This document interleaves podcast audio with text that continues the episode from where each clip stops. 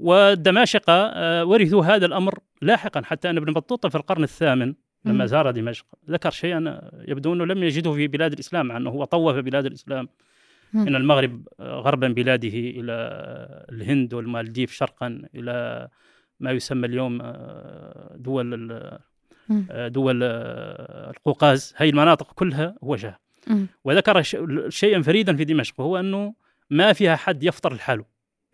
يعني الناس لازم تفطر جماعيا. إذا كانت من أصحاب اليسار والغناء والثراء فهي تدعو الناس إلى بيوتها وتعد لها الولائم الإفطار والسحور. وحتى يقول لك حتى وإذا كانوا فقراء فكل واحد يجيب على قدره ويجتمعون إما في المسجد إما في الشارع إما في بيت أحدهم. لكن لازم يكون الإفطار آه، جماعية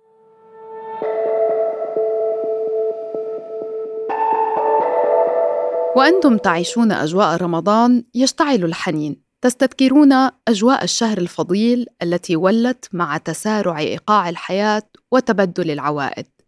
اليوم نستذكر وإياكم رمضان زمان لكننا لن نتوقف عندما عشناه نحن بل نسافر إلى زمن أبعد بكثير بعيد جدا. سنقلب صفحات تراث العرب ونقتطع لكم مشاهد وحكايات رمضان الذي كان. أنا روعة أوجي وهذه حكاية جديدة من بودكاست الجزيرة بعد أمس. ويصحبني في هذه الرحلة الرمضانية الأستاذ محمد المختار ولد أحمد الجكني المشرف على قسم تراث بالجزيرة نت. أهلا وسهلا بك أستاذ محمد المختار. أهلا وسهلا. الأخت روعة. أهلا فيك. أهلا هل كان العرب يصومون قبل رمضان؟ رمضان المسلمين يعني. أه بسم الله الرحمن الرحيم. أهلا بك وبمتابعيك الكرام. وكل عام وأنتم بخير وتقبل الله الطاعات آه، العرب قبل الإسلام آه، كانوا كانوا أصناف. بعضهم يتبع لديانات فيها صيام مثل المسيحية واليهودية. وبعضهم آه، ولعله هو الأغلب في في عرب الوسط الجزيرة يعني غير اليمن وغير الشام يعني مكة وما حولها من من بلاد الجزيرة العربية. هؤلاء كانت تغلب عليهم الوثنية وبالتالي ما كان عندهم صيام آه، في حياتهم آه، الدينية. آه، رغم إلا إلا إلا إلا الاستثناء الذي روته أم المؤمنين عائشة رضي الله عنها في صحيح البخاري أن قريش كانت تصوم يوم عاشوراء أي اليوم العاشر من شهر محرم اللي هو الشهر الأول في السنة الهجرية. ولما جاء النبي صلى الله عليه وسلم والصحابة إلى المدينة وجدوا اليهود هناك يصومون هذا الشهر فصاموه. أيضا حتى هذا في السنة الثانية لأن لأن لأن النبي صلى الله عليه وسلم جاء إلى المدينة في شهر ربيع الأول. ورمضان الموالي لم يكن فيه صياما صيام. السنة الثانية للهجرة يعني السنة الموالية جاء عاشوراء في بدايتها فصامه. ثم فرض صيام رمضان على المسلمين في آه، بعد ذلك يعني في شهر رمضان الموالي من السنة, السنة الثانية للهجرة. فإذا العرب بهذا المفهوم الذي تحدثنا عنه لم يكن عندهم الصيام رمضان كشهر كامل أو حتى عدة أيام من السنة.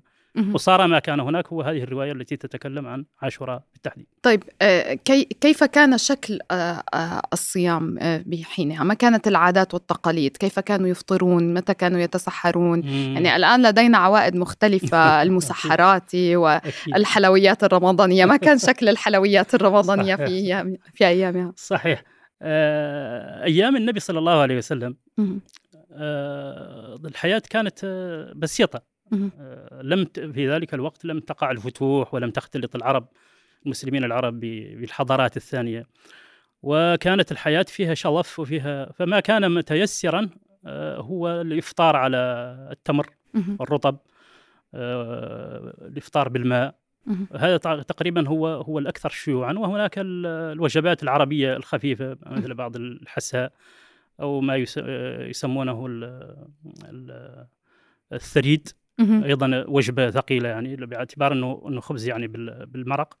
ولكن كما سنعرف في في إن شاء الله في مع مع التقدم في الحلقة وهو أنه هذه التسميات اللي ذكرت أنت الآن حضرتك هي تقريبا موغلة بالقدم في القدم يعني م. كما سنأتي عليه إن شاء الله. يعني سواء المسحرات اعاده المسحرات أو الحلويات بأنواعها أو كذا هناك كثير الآن من المائدة الرمضانية عندنا هي في الحقيقة اصولها تعود إلى أكثر من ألف سنة.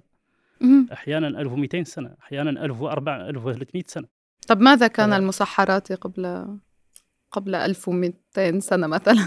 المسحرات أول ما أول ما بدأ هذه العادة يعني أول ما بدأ تنبيه الناس للسحور هذه هي الفكرة. الفكرة أن أن, أن وقت السحور هو وقت آه، نوم عادة إنه آخر الليل. فكان لابد من آه، من شخص يوقظ الناس أو أشخاص يوقظون الناس لكي يتسحروا قبل أن يطلع الفجر عليه.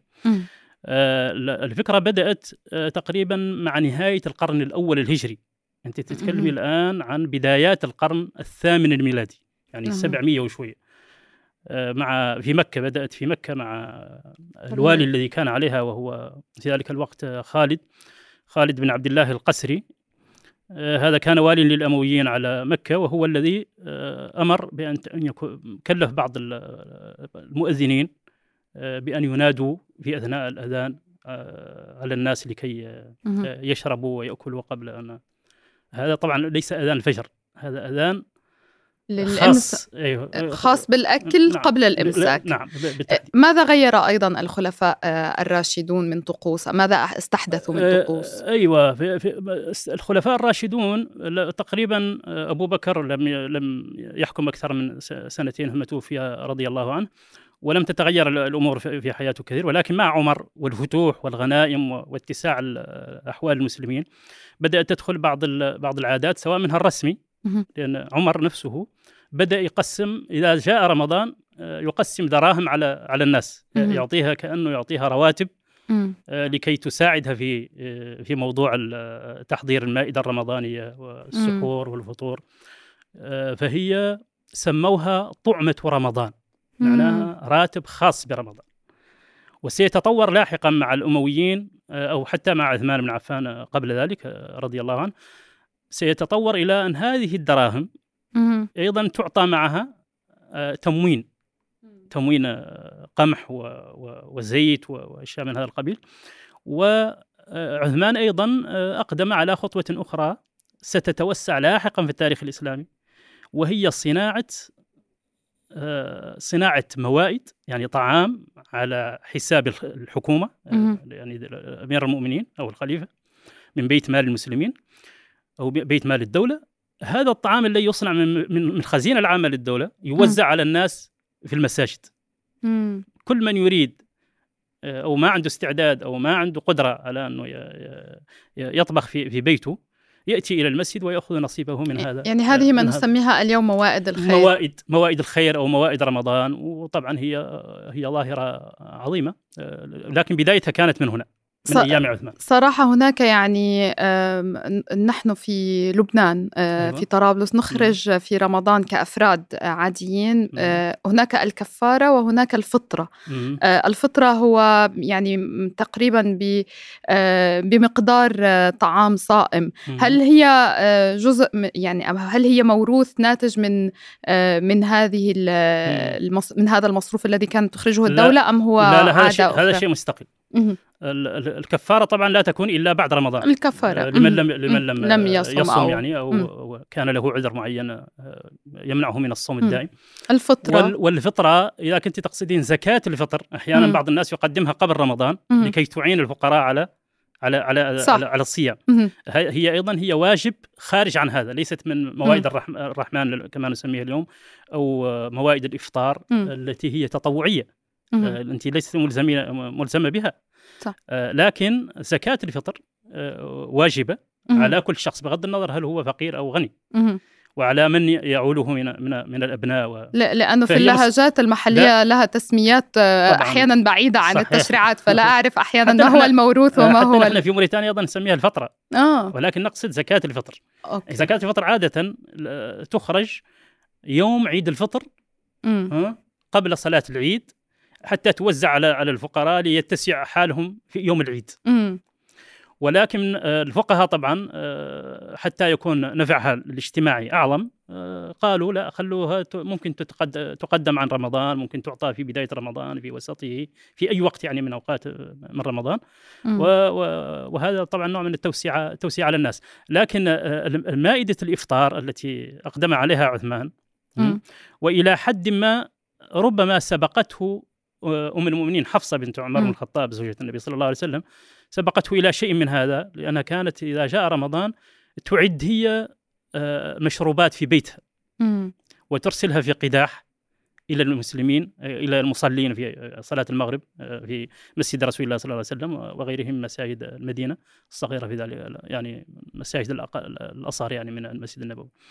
فهذه كانت نواه موائد الرحمن لكنها هذه الموائد طبعا اتسعت فيما بعد مع اتساع آه، أحوال المسلمين وت- وتعمقهم في الحضارة أصبحت الدولة هي نفسها تقيم دور مم. خاصة بإفطار رمضان هذا في أي في بغداد عام؟ مثلا في بغداد هذا هذا في بغداد تحديدا عندنا نص آه، إنه في القرن السادس. في القرن الس... نهاية القرن السادس الهجري الهجري. أي أي نهاية القرن الثاني عشر الميلادي مم. 1000 1000 1190 تقريبا في هذه. الحدود لا 600 604 604 الهجرة مهم. توازي 1207 للميلاد مهم. في هذه السنة آه، كان الخليفة العباسي الناصر لدين الله. آه، أمر ببناء أربعين دارا في بغداد عشرين دار في منطقة آه، بغداد كم- كما هو معروف آه، يقسمها نهر دجلة. وهناك الرص... منطقة الرصافة على جانب ومنطقة الكرخ على جانب. فهو في كل واحدة من المنطقة القسمين. بنى عشرين أمر بيتا. بأن تبنى عشرون آه، تبنى عشرون, آه، عشرون دارا. هاي الدور سموها دور الضيافة. هكذا أطلق عليها ضيافة والمقصود بها ضيافة ال- ال- الناس في في رمضان وربما أيضا تكون تستخدم للضيافة في الأوقات الثانية غير رمضان مم. ولكن النص اللي عندنا يتكلم أنه كانت تجهز في هذه الدار آه، في هذه الدور آه، تقريبا آه، تتكلمين عن آلاف الوجبات يوميا. لكي لكي لكي يتم تغطية تغطية حاجية آه، حاجات آلاف المفطرين الذين يأتون فتقدم له يقدم لهم الإفطار بجميع مراتبه. سواء منه ما تعلق بأنواع المشروبات الساخنة الحساء وأن- وأنواعه أو بالوجبات الثقيلة. التي فيها لحوم سواء لحوم طيور أو لحوم غنم أو أبقار أو نحو ذلك وأيضا الحلويات الحلويات والعصائر هذا كله كان كان يقدم بالمجان لأنه يدفع عليه من من خزانة الدولة. قولي نفس الشيء أيضا حصل في دمشق مم. حصل في دمشق حتى قبل ذلك في القرن الثالث اله- الهجري آه، كان الامير آه، الأمير آه، مالك بن طوق. التغلبي مم. التغلبي هذا كان اميرا لدمشق في منتصف القرن الثالث أي منتصف القرن العاشر الميلادي وكان آه، دار الإمارة تسمى دار الخضراء فكان يقف آه، يوقف على في الشوارع رجال آه، موظفين وكل من مر من هذا من هذا الشارع يأتون به إلى إلى الدار آه، لكي يفطر مم. والدماشقة آه، ورثوا هذا الأمر لاحقا حتى أن ابن بطوطة في القرن الثامن لما. زار دمشق ذكر شيئا يبدو أنه لم يجده في بلاد الإسلام مع أنه هو طوف بلاد الإسلام مم. من المغرب غربا بلاده إلى الهند والمالديف شرقا إلى ما يسمى اليوم دول دول آه، القوقاز هذه المناطق كلها وجهها مم. وذكر شيئا فريدا في دمشق وهو أنه ما فيها حد يفطر لحاله. يعني الناس لازم تفطر جماعيا. إذا كانت من أصحاب اليسار والغنى والثراء فهي تدعو الناس إلى بيوتها وتعد لها الولائم الإفطار والسحور مم. وحتى يقول لك حتى وإذا كانوا فقراء فكل واحد يجيب على قدره مم. ويجتمعون إما في المسجد إما في الشارع إما في بيت أحدهم لكن لازم يكون الإفطار آه، جماعيا جميل آه، طبعا لو استرسلنا في في في هذه القصص آه، يعني كثيرة كثيرة جدا. آه، في مصر مع الفاطميين مم. هذا الموضوع أخذ بعدا واسعا يعني مم. لأن الفاطميين حتى نفهم الصورة هم طبعا الشيعه مم. بل هم من غلاة الشيعة. يعني من حتى الشيعة الإمامية الشيعة الاثنى عشرية مثلا لا يعترفون بهم كذلك الزيدية. ف ولما جاءوا إلى مصر مصر معظمها سنة. فكان من أساليبهم في في السيطرة على البلد وعلى أهله هو آه، محاولة الترفيه عن الناس وتيسير الأمور عليها ماديا ومعيشيا. وباللهو وبالحياة العامة المفتوحة. ما استطاعوا إلى ذلك سبيلا وأنفقوا في هذا وجاءوا بعوائد لم تعهدها آه، مصر. وكان من اكثرها من أكثرها ضخ يعني اتساعا وعمقا موضوع ما يسمى أسمطة رمضان. أسمطة رمضان وموائد رمضان السماط اللي هو آه، الصفرة. الصفرة قد تكون صفرة عادية قد تكون طاولة حسب المكان الذي ستنصب فيه. وهذه الصفرة تملأ بما لذ وطاب من أنواع المأكولات والمشروبات والحلويات والمؤرخ المقريزي. المقريزي مؤرخ مصري عظيم آه، توفي 845 للهجرة اللي هي 1441 للميلاد وترك في كتبه أوصافا هائلة لهذه لهذه الموائد وكانت في رمضان تخصص لها آه، ميزانيات ميزانيات عظيمة جدا. وورثتها ورثت يعني هذا هذا هذا التراث من الإنفاق الهائل في رمضان على على موائد رمضان على الفقراء وعلى حتى موظفي الدولة. كانت تعطى لهم رواتب خاصة آه، زيادة على رواتبهم العادية لكي أيضا آه، يتسعوا في تتسع حالهم. هذا هذا الوضع ورثته الدولة الأيوبية التي جاءت بعد الدولة الفاطمية. ثم بعد ذلك ورثه المماليك وأكثر منه إلى حد هائل أيضا لانك لأن أيضا المماليك كانوا طبقة يحتاجون إلى نوع من الشرعية السياسية آه، زيادة على القوة العسكرية التي كانوا يحكمون بها. طب هذا ما زلنا يعني في منطقة المشرق ولكن في عصر الأمويين والعباسيين لا. توسعت يعني أصقاع آه، الدولة الإسلامية بحينها كيف طبعت البلاد غير العربية من فارس إلى تركيا إلى بلاد المغرب إلى الأندلس كيف طبعت عوائد رمضان؟ آه هذا هذا هذه تقريبا شوفي هذه العادات آه، تقريبا كانت في بلاد الإسلام كلها م. لماذا؟ لأنه هو رمضان شهر تتجسد فيه قيمتان مهمتان في الإسلام. م. التواصي على على الصبر م. والتواصي على المرحمة. م. صح. فالصبر هو رمضان مدرسة صبر. آه سواء بالصيام إن الواحد يمسك عن الطعام والشراب وكل ما تشتهيه النفس. مدة 12 ساعة على الأقل أحيانا 15 ساعة آه، ونحو ذلك. وهذا آه، الصبر يحتاج أهله إلى أحيانا إلى أن يمدوا بقوة أيضا تزيدهم صبرا على على صبرهم الذي دعاهم إليه آه، الشرع. والمرحمة يأتي في مقدمتها أيضا الإطعام. م. ثقافة الإطعام في الإسلام ثقافة عظيمة جدا. م. حتى هذه تواصوا بالحق وتواصوا بالصبر قبلها. هذه الحمد لله من العادات التي لم نتخلى فك رقبة أو إطعام في يوم ذي مسغبة يعني يوم في مجاعة قوية. يتيما ذا مقربة أو مسكينا ذا متربة ثم كان من الذين آمنوا وتواصوا بالحق وتواصوا آه، بالمرحمة. آه، آه، تواصوا بالحق وتواصوا بالصبر هذه في في سورة في سورة أخرى. لكن القيم كلها متكافلة متكاملة يعني. فنحن في هذا التكامل رمضان يجسد هذه هذه القيم حقيقة. ولذلك في جميع بلاد الإسلام سواء في فارس وخراسان وما وراء النهر ما وراء النهر اللي هي منطقة آسيا الصغرى الآن. الدول هاي اللي نهايتها فيها ستان.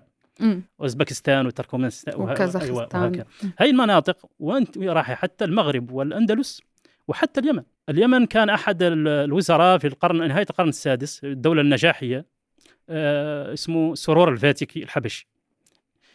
هذا كان يوميا ينفق ربع مليون دولار على إطعام الناس. لو حسبتيها بتجيك آه، حوالي يعني أكثر من سبعة ملايين دولار يعني ما قيمته سبعة ملايين دولار في في, في شهر رمضان. موائد في أينما المنطقة اللي تابعة له كلها تقريبا آه، يكاد يتكفل بها يوميا إفطارها.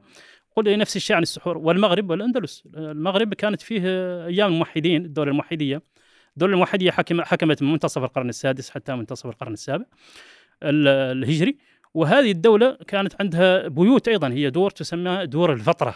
مم. الفطرة هاي من الإفطار مم. يعني تجي الناس وتفطر فيها. وفي وفي الأندلس كانت عندك دور الضيافة أيضا. آه أيام أيام الأمويين يعني من بداية حكمهم. فهي ثقافة مستمرة أينما آه، والنصوص كثيرة والأرقام مخيفة يعني لكن إحنا إنما نعطي نعطي بعض النماذج. أحد الأمراء اسمه السلطان برقوق في الدولة هذا كان أيام ابن خلدون لما كان في مصر كان هو السلطان. هذا يوميا يذبح 25 بقرة تخيل. طبعا هو هي هي ستقسم على المحتاجين ليس على الناس الأغنياء. م. الناس الأغنياء تكفي انفسها ومعها آلاف الطيور الحمام والوز والبط وال... يعني شتى أنواع اللحوم تقسم مع مع الحلويات مع الحلويات اليابسة والحلويات المائعة. بما فيها البقلاوة الشهيرة يعني هذه قديما كانت كانوا يسموها اللوز اللو اللوزينج. اللوزينج لأن هي كانت تحشى باللوز يبدو انها حلوى فارسية في الأصل. غالبا الكلمات اللي تنتهي بالجيم. مم. كذلك السمبوسة. السمبوسة أيضا آه، من... يسموها السمبوسق بالقاف سمبوسك بالكاف سمبوسج بالجيم. يعني نوع نوعوها ولكن هي السمبوسة اللي نعرف الحين. مم. فكل هذه ما كل هذه الحلويات والفطاير وهذه الوجبات الثقيلة يعني كانت تقدم مجانا في هذه الموائد للناس. هكذا كانت تعيش الناس تصمد وتصبر بالإضافة طبعا إلى الدافع الديني القوي يعني آثار المناطق التي توسع إليها الإسلام هي أكثر في المطبخ وفي نوع الطعام وفي هل هل أضافوا في العادات والمسحرات مثلا قلت أيضا إنه نعم أتم نعم. المسحر المسحراتي نحن نحن لماذا؟ لأن نحن كنا في موضوع كيف كان الناس يعيشون؟ من الناحية يعني كيف كانوا يأكلون ويشربون. يأكلون ويشربون أو كيف كانوا يسيرون آه، التموين في في هذا الشهر. وهذه على كل حال نماذج مصغرة وبسيطة فيه. لكن لو لو انتقلنا إلى عادة مثل المسحرات مثلا. آه، تقصدين العادات الشعبية في رمضان على سبيل المثال. المسحرات نحن قلنا بدايته إنه بدأ في نهاية القرن الأول آه، الهجري القرن بداية القرن الثاني. ولكن هو تطور. فاصبح أصبح مهنة مع مرور الوقت. تعددت اولا أشكاله. صار عندك في في في, في اليمن مثلا وفي المغرب. في اليمن في القرن الرابع بدأ المسحرات يستخدم الطبول. آه. وبدأت فرق المسحراتيه تدق على الناس الأبواب. في المغرب وفي اليمن تحديدا يعني الرحالين يتكلمون عن هذا آه، بشكل واضح. وحتى كتب كتب الفقه لأنها تتعرض لهذه المسائل في قضايا السحور. فبدأوا آه، في في الشام بدأوا يستخدمون آه، المزامير ويستخدمون الدفوف أيضا يضربونها في في الشوارع ومعها يعني حث الناس على على أنهم يستيقظون ويفطرون ويأكلون ويشربون إلى آخره. في بغداد استحدث فن أدبي شعبي كامل فيه غناء وفيها ناشيد اسمه القومة. القومة هذه آه نشأت آه على الأقل في القرن السادس وبعض المصادر تذكر أنها أقدم من ذلك.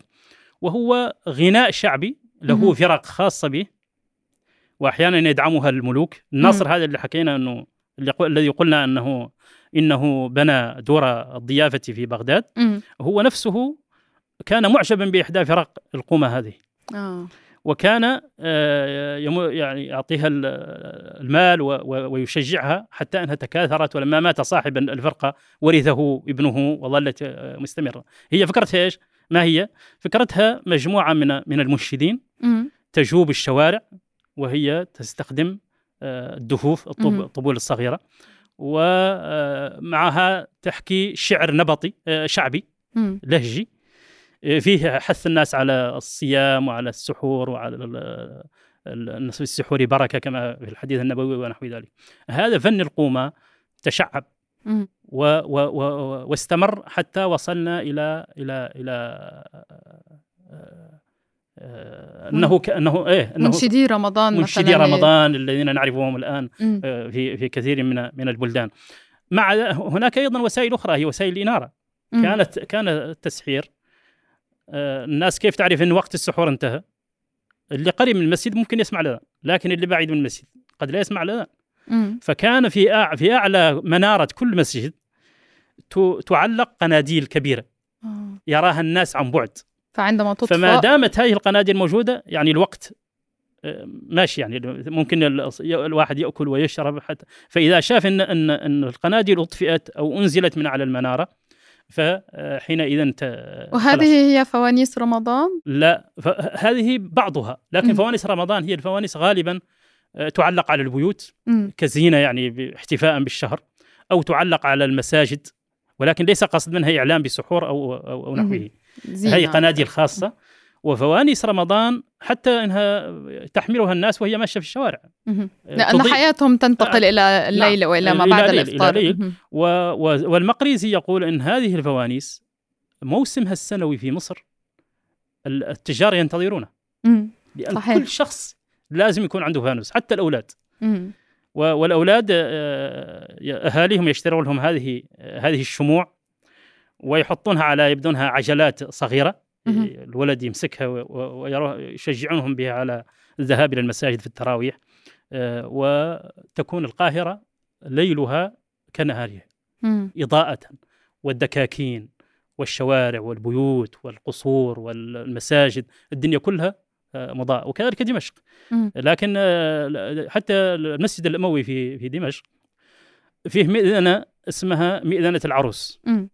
السبب هو كثرة ما يعل ما يعلق عليها من, فوانيس. من مظاهر الزينة ومن م. القناديل ومن الفوانيس فتصبح آه، متلألئة فسموها الدماشقة آه، مئذنة العروس وظلت معروفة بها إلى إلى عهد قريب هذه الفوانيس أيضا آه، والطبول اللي, اللي التي ذكرناها والدفوف في الفرق الشعبية مع مع العهد في أواخر العهد المملوكي في في الشام وفي مصر أضيف إليها مدافع السحور. مم. طلقات. وهي كثرت في عهد في العهد العثماني لأن العهد العثماني تطورت فيه المدافع. مم. فصار عندنا مع مع مدفع الإفطار مم. الذي اخترعه أو استخدمه أول مرة المماليك ثم اتسع بعد ذلك في الأراضي التي حكمها العثمانيون. والعثمانيين تقريبا آه، حكموا الدول العربية كلها باستثناء آه، إلا القليل يعني باستثناء المغرب أساسا. فعندك من العراق وحتى الجزائر ومن سوريا شمالا وحتى اليمن جنوبا هذا كله كان تحت سيطرة العثمانية طيب لماذا يعني استحدث المدفع؟ هل لأنها اتسعت رقعة آه، سكن الناس فأرادوا أن تصل آه، طبعا هو المدفع هذه فكرته. سواء بغض النظر عن مدى صحة هو يقال أنه أنه أنه هو في البداية أنه كان حادث عرضي أنه هو أحد السلاطين المماليك. صنع مدفعا وأراد أن يستخدمه تجريب يعني م. كتجريب. فصادف وقت إطلاق إطلاق الرصاصة منه وقت أذان المغرب. فالناس فالناس ظنت أن أن هذا عادة جديدة أدخلها السلطان وهي أنه إعلام الناس بوقت الفطور عبر المدفع. عبر عبر إطلاق المدفع. ولكن آه، فلما جاءته الأخبار إن الناس فرحان أو إنها العادة يعني أو هذا الأمر استحسنته خلاص قال لهم اذا نعملها آه، عادة إن شاء الله تستمر. وظلت مستمرة حتى حتى يعني العجيب يعني العجيب والممتع في هذا الحديث آه، أنك تتكلم عن زمن بعيد 400 و100 و100 قرن هجري وأنا يعني أرى الآثار في مدينتي آه، واللي هي مدينة عباسية. عباسية كانت بامتياز ف يعني وانتقلت وكانت ولاية عثمانية وما هنالك. فكل صحيح. هذه العادات يعني منذ مئات السنين وبقيت معنا. آه، هل حدث في تاريخ العرب أن هناك من منطقة لم تصم لأنه تعذر رؤية الهلال مثلا أم يعني كيف تعاملوا أو التغير المناخي لم يسمح لهم برؤية الهلال؟ كيف تعاملوا معها؟ آه، كثير جدا. موضوع الهلال هذا موضوع مستعصي على المسلمين من من من بدايات الإسلام بدايات وجوب رمضان وحتى الآن يعني. لأن القضية في النهاية أنت الصيام ما زال مربوط عند معظم المسلمين بموضوع الرؤية آه، تمسكا بظواهر النصوص أو النصوص النبوية صلى الله عليه وسلم صوموا لرؤيته وافطروا لرؤيته. ف فإذا لم تر يرى الناس الهلال لأمر ما لغيم أو لرياح أو لمطر أو أي سبب من الأسباب آه، يضطرون أنهم يواصلوا الفطر فإذا فإذا ثبت الهلال يبدأ يبدأ الصيام. أحيانا آه، في قصة غريبة أنه في في في غرناطة. غرناطة هي آخر ممالك المسلمين في الأندلس بقاءً. و آه، المؤرخون أنه في في سنة من السنوات سبع أظن 702 للهجرة مم. 702 للهجرة اللي هي بالميلاد 1302 مم. في بداية القرن الثامن الهجري الرابع عشر الميلادي آه، الغرناطه جاتهم آه، حالة جوية طقس تغير في آه، غيوم استمرت اياما عديدة فما استطاعوا أنهم يشوفوا رمضان مم. فلما رأوا الهلال أول مرة صاموا مم. الليلة التي سيكملون فيها 27 في رمضان وهي عند معظم المسلمين يتوقعون أنها ليلة القدر طلع الم... طلع المؤذنون ليوقدوا يوقدوا القناديل هذه اللي الناس تعرف بها آه، لأنه الغيم مم. ف... فاكتشفوا أن الهلال طلع آه. هلال شوال العيد عيد الفطر. طيب هم صاموا ستة 26 يوم فقط. آه. وراحت عليهم راحت. عليهم. هذا ما, ما الذي يعني هذا؟ يعنيه أن أن الغرناطه آه مضت ثلاثة أيام من الشهر وهم ما عندهم دي ما عندهم أي علم ان أنهم الآن يعيشون في في رمضان. قال يطلع عند الله بسبب- إنه لا هيك خسرنا الأندلس لانهم يعرفوا يلتزموا بالصيام ربما ف- فهذا فهذه فهذه القضية تتكرر تتكرر. تتكرر كما انه هناك آه، موضوع آه، دخول رمضان تحدث عنده هذه الوقائع كثيرا. آه، دخول العيد انتهاء رمضان تقع عنده هذه الحد... لأنه الموضوع مرتبط بال- بالتغيرات الجوية وهذا ما ما لا يمكن آه، التكهن به. آه، طبعا إنك إن الناس يفوت عليها يوم. بسبب الغيم أو كذا من رمضان هذا شيء كثير جدا وحتى. ما زال موجود إلى الآن. بعض بعض أحيانا أوه، أوه. يكتشف أهل بلد معين أنهم صاموا آه، 28 يوم فقط لأنهم. رأوا هلال شوال وهم في اليوم الثامن والعشرين. المفروض هم يكملوا 29 رمضان لازم تكملي 29 لكن ال 30 ممكن تكملي ممكن ما تكملي. حسب الرؤية فكثيرا ما يحصل وحتى الآن هذا الأمر ما زال يحصل هو أنك أن الناس يفوت عليها يوم من رمضان وهي ما تدري مم. واحيانا يفوت يعني وهذا نقاش ما زال فقهيا. مستمرا رغم طبعاً. الأدوات العلمية آه، طبعا وهذا. بالمناسبة ليس جديدا مم. يعني الخلاف بين الفلكيين وبين ال- الفقهاء في هذا الموضوع آه، قديم. أقدم من سبع قرون مهم. سبعة قرون عندنا نصوص فيه تعود إلى أيام ابن حجر وغيره يعني من آه، علماء الإسلام في القرن التاسع الهجري يعني في حديثك عن العادات والتقاليد التي كانت والتراث الذي كان ح- ذكرت أبن بطوطة وذكرت الكثير من الرحالة أدب الرحالة الذي مم. يعني هو يشكل غالبا آه، ال- المرجعية التي ن- نكتشف فيها عادات وتقاليد الشعوب. آه، هل قدم أدب الرحلة آه، معلومات أكثر عن تراث آه، هذه المنطقة في رمضان أم أهل البلاد وثقوها بما فيه الكفاية أيضا؟ والله الأمران آه، حاصلان. آه، هناك التوثيق توثيق المؤرخين مهم. ل- ل- لأحداث رمضان ولعادات الناس فيه. سواء في كتب التاريخ العادية مهم. أو في كتب آه، تتناول موضوعات أخرى أخرى مثل التراجم مثلا تتكلم عن عن حياة العلماء أو السلاطين أو الأمراء والوزراء والشعراء وغيرهم فيأتي عرضا ما كانوا يفعلونه في رمضان هو الواحد في حياته الشخصية مثل- الوزير الذي قلنا أنه الوزير اليمني اللي قلنا اللي- الذي قلنا إنه كان في كل يوم آه،. ينفق حوالي ربع مليون دولار على. على الموائد وكذلك أيضا بعض السيدات فيه عالمة جليلة مفتية في على المذهب الحنفي اسمها فاطمة السمرقندية هي. توفيت 581 للهجرة اللي هي آه، اللي هي تقريبا آه، 5 86 ال- ال- 1186 للميلاد. هذه السيدة سنت سنة حسنة لاول مرة ثم سار الناس عليها وهي أنها باعت كانوا عندها سواران من الذهب. باعتهم وأنفقتهم طوال رمضان في صنع الحلويات وتوزيعها على الفقهاء آه. فقهاء خاصة حلو فاستحسن الناس هذه العادة واقتدوا بها من بعدها? وهي كانت آه، شيخة مؤثرة في في السلطان ال- دمشق في وحلب في ذلك الوقت هي كانت في حلب. آه، اللي هو السلطان نور الدين الشهيد نور الدين زنكي. فهو أيضا أخذ عنها هذه هذه العادة وبدأ يطبقها.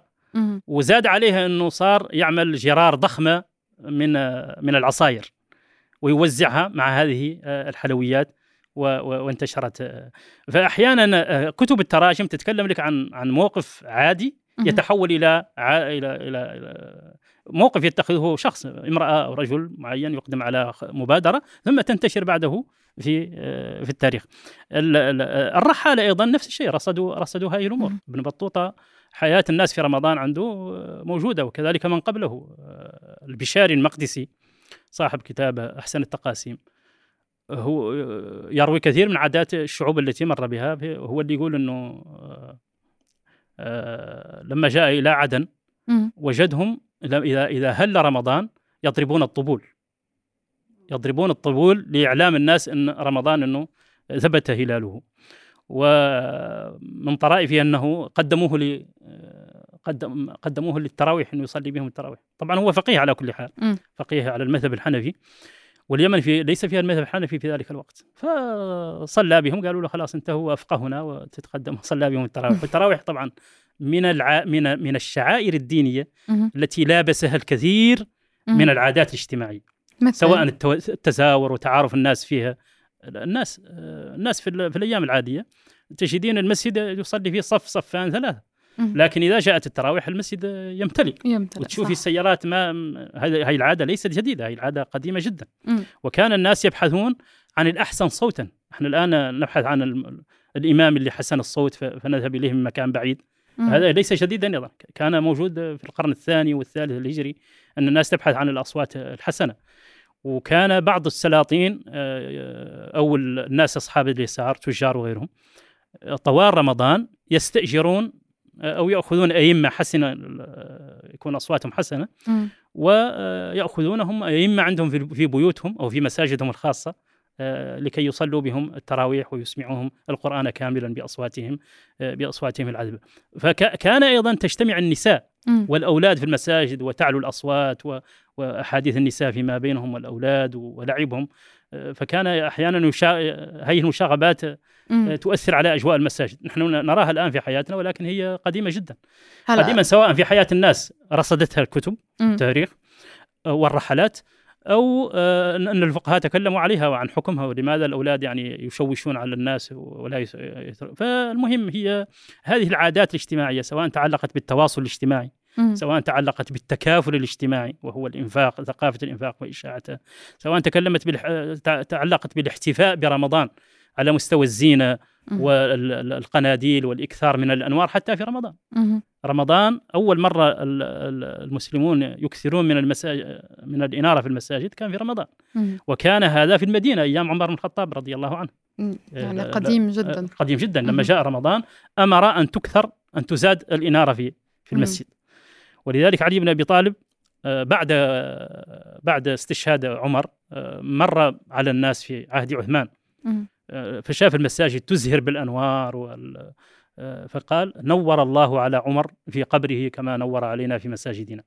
واستمرت هذه ومنها أخذ الناس الموضوع الذي تحدثنا عنه وهو الإكثار من من, من أنوار رمضان سواء في بيوتهم أو في المساجد. تخيلي أنه المساجد الثلاثة المقدسة في الإسلام. المسجد المكي الحرم المكي كانت فيه على الأقل آه، حوالي 400 400 آه، قنديل وثريا كبير.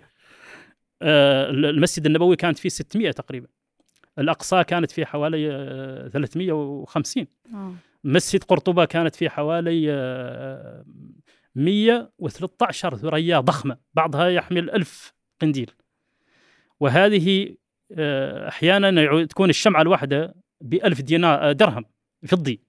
ألف درهم فضي لو حولتيها اليوم إلى دولار ممكن يطلع لك 2000 دولار 2000 دولار للشمعة الشمعة الواحدة. أوه. أما إذا تحدثت عن عن عن حج عن المال المصر الذي يصرف على هذه الثريات نفسها يعني بعضها ذهبي من الذهب ومن الفضة الخالصة. فكانت ثروات طائلة جدا.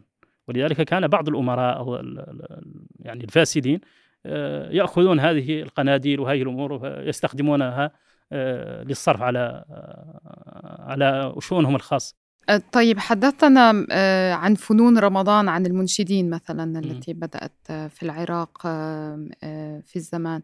ولكن هناك أيضا الحكواتي هناك الدراويش الدراويش ربما أتت من الصوفية مباشرة ولكن هناك التنورة عند المصريين.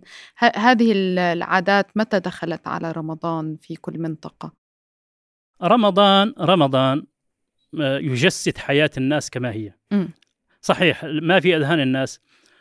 انه إن رمضان إنه موسم للعبادة وموسم لأعمال الخير وهذا صحيح. وهذا هو المعظم أيضا.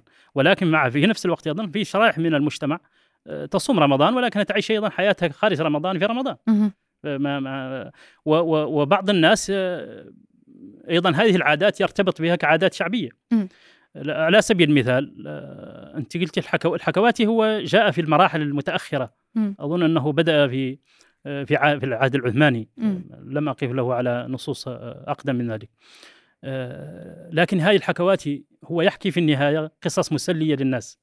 وهي في الغالب تحث على قيم آه، فيها نوع من من من الخير والفتوة وحماية المجتمع والإحسان إلى الناس آه، والشجاعة والحث عليها. هناك أيضا هناك هناك بعض العادات التي ارتبطت بهذا الشهر وهي عادية في حياة الناس الطبيعيه الرياضة الرياضة على سبيل المثال. تكثر في رمضان كانت قديما. آه كانت تكثر طبعا. مم. حتى يروان الشاعر أبو نواس. هذا كان في هذا كان في أيام آه، هارون الرشيد وابنه المأمون من بعده توفي 198 الهجرة أبو نواس و 198 يعني 800 و 813 بداية القرن التاسع الميلادي. كان عنده شلة من أصحابه من الأدباء والشعراء في بغداد وهم طبعا يعيشون حياة مجون. فإذا انتهوا من الإفطار والإفطار تقدم فيه الأطباق الخفيفة والثقيلة وكل هذه الأمور. يطوفون بشوارع بالمتنزهات والشوارع للرياضة. مم. بعد و... الإفطار. بعد الإفطار. لأنه الآن الإفطار. هناك موضة صحية أن نذهب للمشي قبل الإفطار. وصراحة بتمرق الوقت. تمرق الوقت وتجهزك للإفطار بشهية جيدة. خلاص أنت إذا كنت ت... إذا كنت تمارسين هذه الرياضة فأنت على مذهب ابن نواس آه، لأنه اليوم يعني عندما يقول أحدهم آه، ألعب الرياضة قبل الإفطار يقولون يعني كيف كيف قبل الإفطار؟ ولكن يعني نجد الآن الآن ربما نحاول أن نختبر الجلد صحيح. والصبر أكثر. الناس على كل حال كانت تصوم رمضان ولكن في النهاية أيضا آه، بعض في شرائح المجتمع تعيش حياتها يعني مع مع هذا الصوم تعيش حياتها. وإذا كان أيضا كثير من الناس وهو ربما معظمهم رمضان بالنسبة له شهر آه، عمل خير واستقامة. وتلاوة القرآن وتعبد وتهجد ونحو ذلك. لكن أيضا هناك شرائح كانت تعيش حياة عادية جدا وهي آه، ترى أنها يجب أن تصوم ولكن مع ذلك أيضا هي لا لا ترى في هذا ما يخالف عاداتها رغم أن هذا ينبغي يعني الإقلاع عنه خلال رمضان. هل كان رمضان في مرحلة من مراحل الإسلام سببا لتبادل العادات والتقاليد المحلية بين بين الشعوب المختلفة في في المنطقة؟ طبعا لأن هذه العادات اللي إحنا تكلمنا عنها كانت تنتقل من مكان إلى مكان. عادة المسحرات مثلا. انتقلت من مكة حيث وقعت أول مرة. ومكة أيضا كان فيها نوع من المسحرات ليس فقط آه، قص المؤذنين لا كان كان كان هناك آه، كان هناك فرق. فرق يعني تجوب الشوارع وتوقظ الناس للسحور السحور. آه، هذه عادات موائد رمضان والولائم فيها. ما كان يقدم فيها كان ينتقل من بلد إلى بلد. يعني مثلا هذه الحلويات. تتكلمي عن البسبوسة وتتكلمي عن شو اسمها ما يسمونه اللوزيني اللوزينيج هذا اللي إحنا ذكرناه. وكذلك ما يسمى الفالوذج وغيرها. هذه أول ما نشا هذه كانت في بلاد فارس قبل قبل الإسلام. ثم انتقلت إلى المسلمين آه، في العراق ومنه ومنه انتقلت إلى إلى أماكن أخرى وهناك بعض النصوص الحقيقة تقول إنها وصلت إلى مكة قبل قبل الإسلام آه هذا لا تستبعده لأنه كان في نوع من التبادل الثقافي مم. على مستوى الموائد كبير جدا ال ال الأكل الشامي انتقل مع الفاتحين إلى الأندلس مم. الثريد ما كان معروفا في في تلك المنطقة. فنقله انتقل مع الشوام من مع الش- الفاتحين من القادمين من الشام إلى الأندلس وصار الأندلس يعدون منه انواعا تف- ت- ت- تجاوز 15 نوع هذا ال- هذا هذا هذا الثريد الذي كان وجبة واحد نوع واحد. بسيط يعني خبز آه، يابس آه، مع ي- الحسن ال- آه، المرق مع. المرق وكذا طوره الأندلسيون والمغاربة عموما حتى أوصلوه إلى أكثر من 15 نوع. والخبز كان شيء عاديا يعني مجرد خبز. ربما لا يعرفون إلا إلا خبز المله اللي هو اللي هو خبز ال- الحفرة مم. اللي يعمل بال- بالتراب الساخن ثم تطور إلى أصبح أكثر من 20 نوعا وتغير وت- أنماط إعداده ومكوناته المطبخ الأندلسي نحن عندنا بعض الكتب التي أعدت فيه تتكلم عن أكثر من 500 نوع من الوجبات آه، ومن ملحقات الوجبات الوجبات مم. الخفيفة والثقيلة وأنواع المشروبات وأنواع الحلويات يعني خمس أكثر من 500 نوع من أصناف المأكول والمشروب. ابن خلدون يتكلم إنه على بعض الصفر إنه هو كان يرى هذا رأي العين. يوجد أكثر من 200 نوع.